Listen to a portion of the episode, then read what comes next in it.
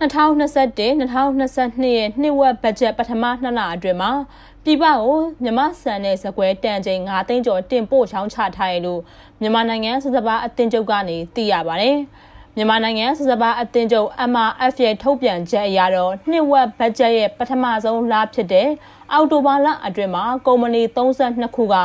စံနဲ့ဇကွဲတန်ချိန်2သိန်း1000ကျော်ကိုတင်ပို့ခဲ့တာဖြစ်ပြီး နိုဝင်ဘာလမှာကုမ္ပဏီ34ခုကတန်ချိန်2သိန်း8000ကျော်ကိုတင်ပို့ရောင်းချခဲ့တယ်လို့ထုတ်ပြန်ထားတာဖြစ်ပါတယ်။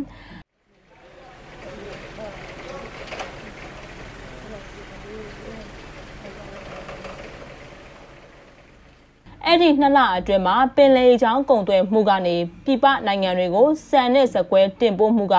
တန်ချိန်အနေနဲ့၄သိန်း9000ကျော်ရှိပြီးနေဆက်ကနေအိန္ဒိချင်းနိုင်ငံတွေကိုတင်ပို့မှုကတော့ အောက်တိုဘာလကထက်စံတန်ချိန်8000ဝန်းကျင်ပိုမြင့်တက်ခဲ့လို့သိရပါတယ်။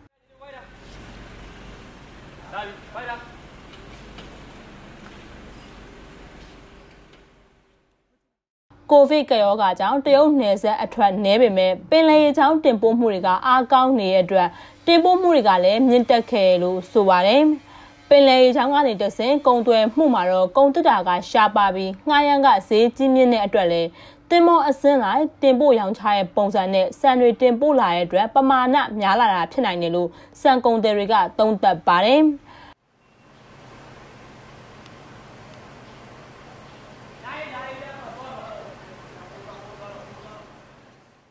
မြန်မာနိုင်ငံစစ်စပါအသင်းချုပ် MRF ရဲ့ထုတ်ပြန်ချက်အရတော့လက်ရှိနိုင်ငံတကာစံဈေးကွက်မှာမြန်မာစံဈေးကအမျိုးအစားနဲ့အရေးသွေးပေါ်မူတည်ပြီး တဒံကိုအမေရိကန်ဒေါ်လာ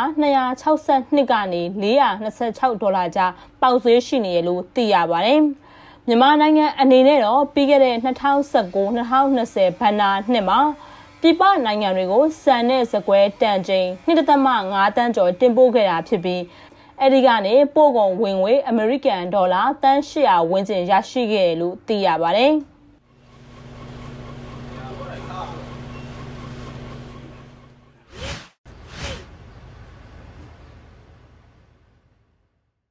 တရုတ် မြန်မာနယ်စပ်ကုန်သွယ်ရေးဂိတ်တွေပြန်ဖွင့်လှစ်တဲ့အတွက်မန္တလေးပဲဈေးကွက်ထဲမှာအခုရက်ပိုင်းအတွင်းမှာပဲစနုံတွေကအနှဲငယ်မြင့်တက်လာရလို့မန္တလေးပဲကုန်တယ်တွေရဲ့ပြောဆိုမှုကနေသိရပါတယ်။ပဲတီစိမ်းကတော့နိုဝင်ဘာလဇန်ပိုင်းကနေ3တင်းဝင်တအိတ်ကို3သိန်း12800ကနေဒီဇင်ဘာလ6ရက်နေ့ပေါက်ဈေးအရတော့3သိန်း2800ဝန်းကျင်လောက်ထိပေါက်ဈေးရှိနေရလို့သိရပါတယ်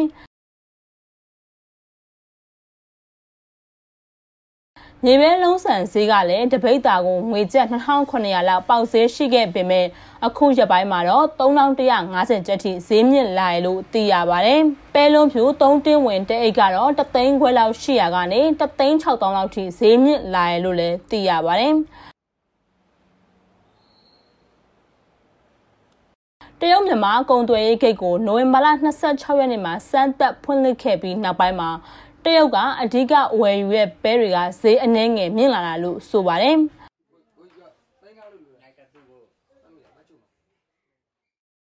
တရုတ်ကနေဆက်ဂိတ်ကိုစမ်းသက်ကာလအဖြစ်ဖွင့်လှစ်ထားတာဖြစ်ပြီးကွန်တိန်နာနဲ့တည်ယူပို့ဆောင်တဲ့စနစ်ကိုစမ်းသက်ကျင့်သုံးနေရလဲဖြစ်ပါတယ်။တရုတ်ကုန်ပစ္စည်းတွေကိုမြန်မာနိုင်ငံအတွင်းကိုတင်သွင်းနေပြီး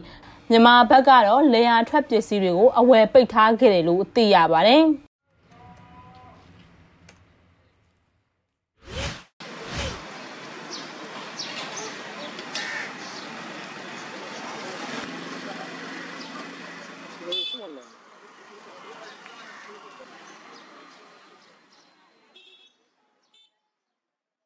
တ က္ကသိုလ်ဝင်စာမေးပွဲတွေကို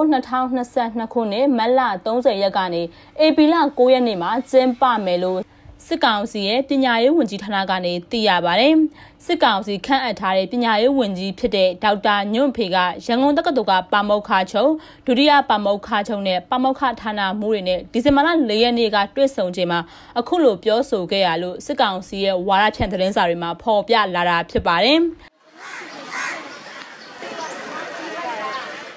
အာနာသိမ့်ပြီးနောက်ဇွန်လမှာစစ်ကောင်စီကအခြေခံပညာကျောင်းတွေကိုပြန်ဖွင့်ခဲ့ပေမဲ့ကိုဗစ်ကပ်ရောဂါလှိုင်းအသစ်ကြောင့်ကျောင်းတွေကိုဇူလိုင်လမှာပြန်ပိတ်ခဲ့ရတာဖြစ်ပါတယ်အဲဒီနောက်မှာတော့အသက်12နှစ်နဲ့အထက်အခြေခံပညာကျောင်းသူကျောင်းသားတွေကိုစစ်ကောင်စီကကာကွယ်ဆေးထိုးပေးတဲ့အစီအစဉ်ကိုစတင်ခဲ့ပြီးနိုဝင်ဘာလမှာကျောင်းတွေကိုပြန်လည်ဖွင့်လှစ်စေခဲ့ရလဲဖြစ်ပါတယ်။ လာမယ့်နှစ်ရက်မလမှာတက္ကသိုလ်ဝင်စာမေးပွဲတွေကိုကျင်းပမယ်လို့ဆိုတဲ့အတွက်တင်ရိုးကုံအောင်ပုံမှန်စာအပြည့်မတင်မဲ့ကျင်းပမှာဖြစ်လို့စစ်ကောင်စီလက်ထက်ကတက္ကသိုလ်ဝင်တန်းစာမေးပွဲရဲ့စာမေးပွဲမေခွန်းပုံစံနဲ့အမှတ်ပေးပုံစံပြောင်းလဲမယ်ဆိုတာကိုတော့ရှင်းရှင်းလင်းလင်းထုတ်ဖော်ပြောဆိုတာမရှိသေးပါဘူး။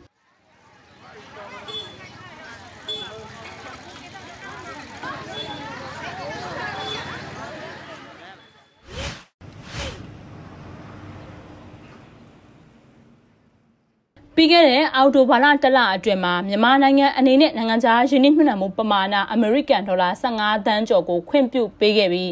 ကုန်ထုတ်လုပ်မှုနဲ့စွမ်းအင်ခဏတို့မှာအဓိကခွင့်ပြုပေးခဲ့တယ်လို့စစ်ကောင်စီလက်အောက်ခံယင်းနှိမ့်နှံမှုနဲ့ကုမ္ပဏီများညွှန်ကြားမှုဦးစီးဌာနဒိုင်ကာကထုတ်ပြန်တဲ့စည်းတွေကနေသိရပါတယ်။ 2021ခုနှစ်အောက်တိုဘာလအတွင်းမှာမြန်မာနိုင်ငံအနေနဲ့ကုန်ထုတ်လုပ်မှုကဏ္ဍမှာအမေရိကန်ဒေါ်လာ17.65တန်တန်ဖိုးရှိတဲ့နိုင်ငံခြားယင်းနှိမ့်မှုလုပ်ငန်းအသစ်၃ခုကိုခွင့်ပြုပေးခဲ့တာပါ။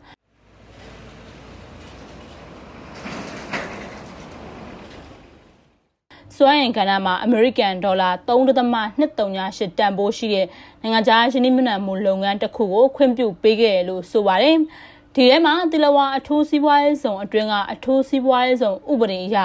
နိုင်ငံခြားချင်းမြုံနှံမှုပမာဏ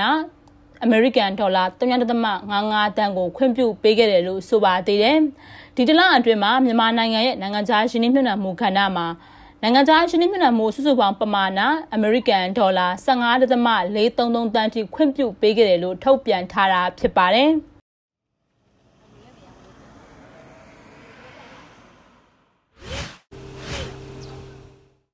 ခီးသွားရာသီကာလမှာပြီးခဲ့တဲ့2020ပြည်နှစ်နဲ့နှိုင်းယှဉ်လိုက်ရင်ခီးသွားလုပ်ငန်းကဏ္ဍကအများကြီးကျဆင်းသွားရလို့ခီးသွားဝန်ဆောင်မှုလုပ်ငန်းရှင်တွေရဲ့ပြောဆိုမှုကနေသိရပါတယ်။ပြည်ရင်းခီးသွားလုပ်ငန်းတွေပြန်လည်စတင်လာတဲ့အချိန်မှာစစ်တပ်ကအာဏာသိမ်းပြီးရဲ့နောက်ပိုင်းမှာတော့ပြည်ရင်းကခီးသွားလာမှုနှုန်းတွေကမနှစ်ကနဲ့နှိုင်းယှဉ်လိုက်ရင်ကျဆင်းမှုတွေအများကြီးရှိနေရပါ။